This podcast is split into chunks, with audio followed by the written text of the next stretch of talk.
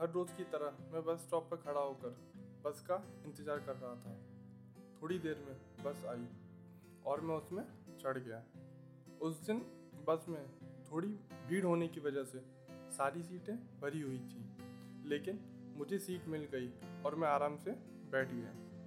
बस में बैठने के बाद हर रोज़ कुछ पल के लिए ही सही, मगर मेरे मन में ये ख्याल ज़रूर आता है कि मेरे साइड वाली सीट कोई तो ऐसा बैठे जिसके साथ सफ़र करके मैं अपना सफ़र मुकम्मल कर सकूँ। हर रोज़ जिस सीट पर मैं बैठता था, उसके साइड वाली सीट पर भी अक्सर कोई ना कोई बैठा रहता था और उस दिन भी एक अंकल बैठे थे फिर जैसे जैसे स्टॉप निकलते गए, सारी भीड़ भी धीरे धीरे कम हो गई और बस में अब काफ़ी सीटें खाली थी मगर मेरे साइड वाले अंकल अभी तक नहीं उतरे थे। जहाँ तक मुझे याद है, शायद वो पाँचवा स्टॉप था।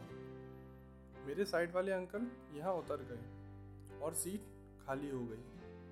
अब खाली सीट को देखकर मेरे मन में हर रोज़ की तरह वही ख्याल आया। और इस ख्याल के खत्म होने के साथ ही अगला स्टॉप भी आ गया।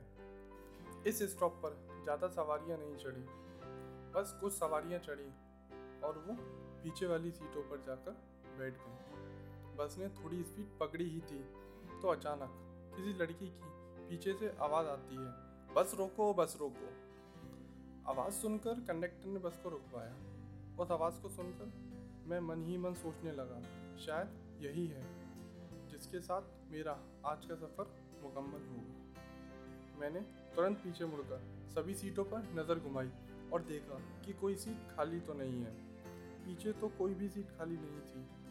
मगर मेरे बगल वाली रो में तीन लोगों की सीट थी, जिसमें से दो सीटों पर लेडीज़ बैठी थी और एक सीट अभी भी खाली थी।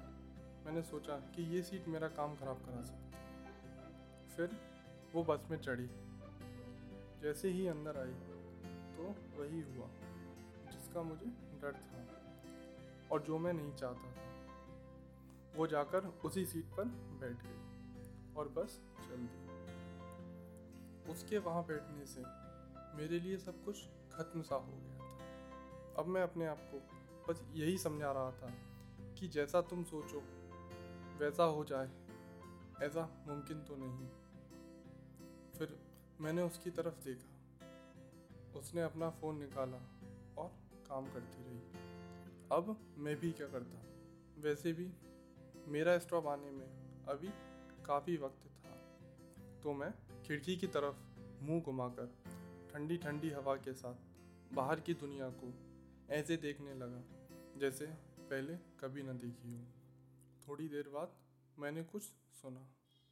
उनमें से एक लेडीज़ उससे बात कर रही थी और कुछ देर तक उनमें बातें चलती रहीं। फिर वो अपनी सीट से उठी और मेरी सीट पर आकर कहा एक्सक्यूज़ मी मैंने उसकी तरफ़ देखकर कहा। जी हाँ बताइए। अगर आपको कोई परेशानी ना हो तो क्या मैं यहाँ बैठ जाऊँ? अपनी शांत सी आवाज़ में उसने मुझसे पूछा।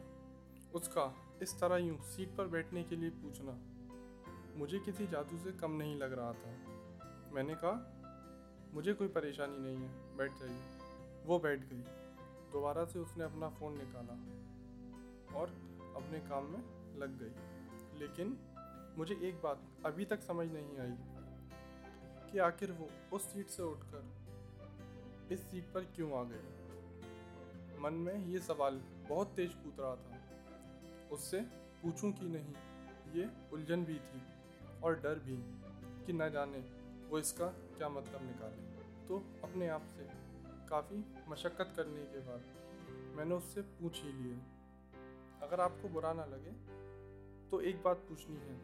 वैसे मैं पूछना तो नहीं चाहता और शायद ये पूछने वाली बात भी नहीं है। मगर अंदर ही अंदर ये सवाल मुझे परेशान किए जा रहा है। उसने कहा, पूछो। आप उस सीट से उठकर यहाँ क्यों आ गई? मैंने पूछा। उसने कहा, बस इतनी सी बात जिसके लिए तुम इतना परेशान हो रहे हो। अरे, कुछ नहीं। उनकी तबीयत थोड़ी ख़राब है तो उन्हें लेटना था। बस इसीलिए मैं वहाँ से उठकर यहाँ आ गई। क्यों? तुम्हें कोई परेशानी हो रही है? तो बता दो, मैं पीछे बैठ जाऊँगी। मैंने कहा, नहीं नहीं, कोई परेशानी नहीं है। उसने कहा, बस ये बात पूछने के लिए तुम परेशान थे और तुम्हारे माथे पर पसीना आ गया पहुँच लो। मैंने पसीना पहुँचा। मुझे नहीं पता वो सवाल मैंने क्यों पूछा, मगर उस सवाल की वजह से हमारी बातें ज़रूर शुरू हो गई थी। हमारे बीच बहुत सारी बातें हुई। उसने कहा, वो हर किसी के साथ इतनी बातें नहीं करती। तुम अच्छे लड़के हो, इसीलिए तुम्हारे साथ कर रही हूँ। बातों ही बातों में उसने मेरे हर उस सवाल का जवाब दे दिया, जो मैंने पूछे भी नहीं थे। उसने बताया कि हर रोज़ वो इसी बस से जाती है और इस बस का जो लास्ट स्टॉप है, उसका भी वही स्टॉप है। अब अगले स्टॉप पर मुझे उतरना था।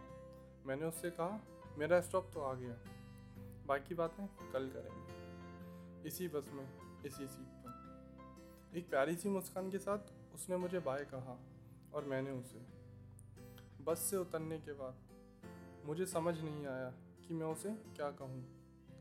वो तो बस मेरे सफ़र को मुकम्मल करने के लिए एक हम सफ़र की तरह आई थी।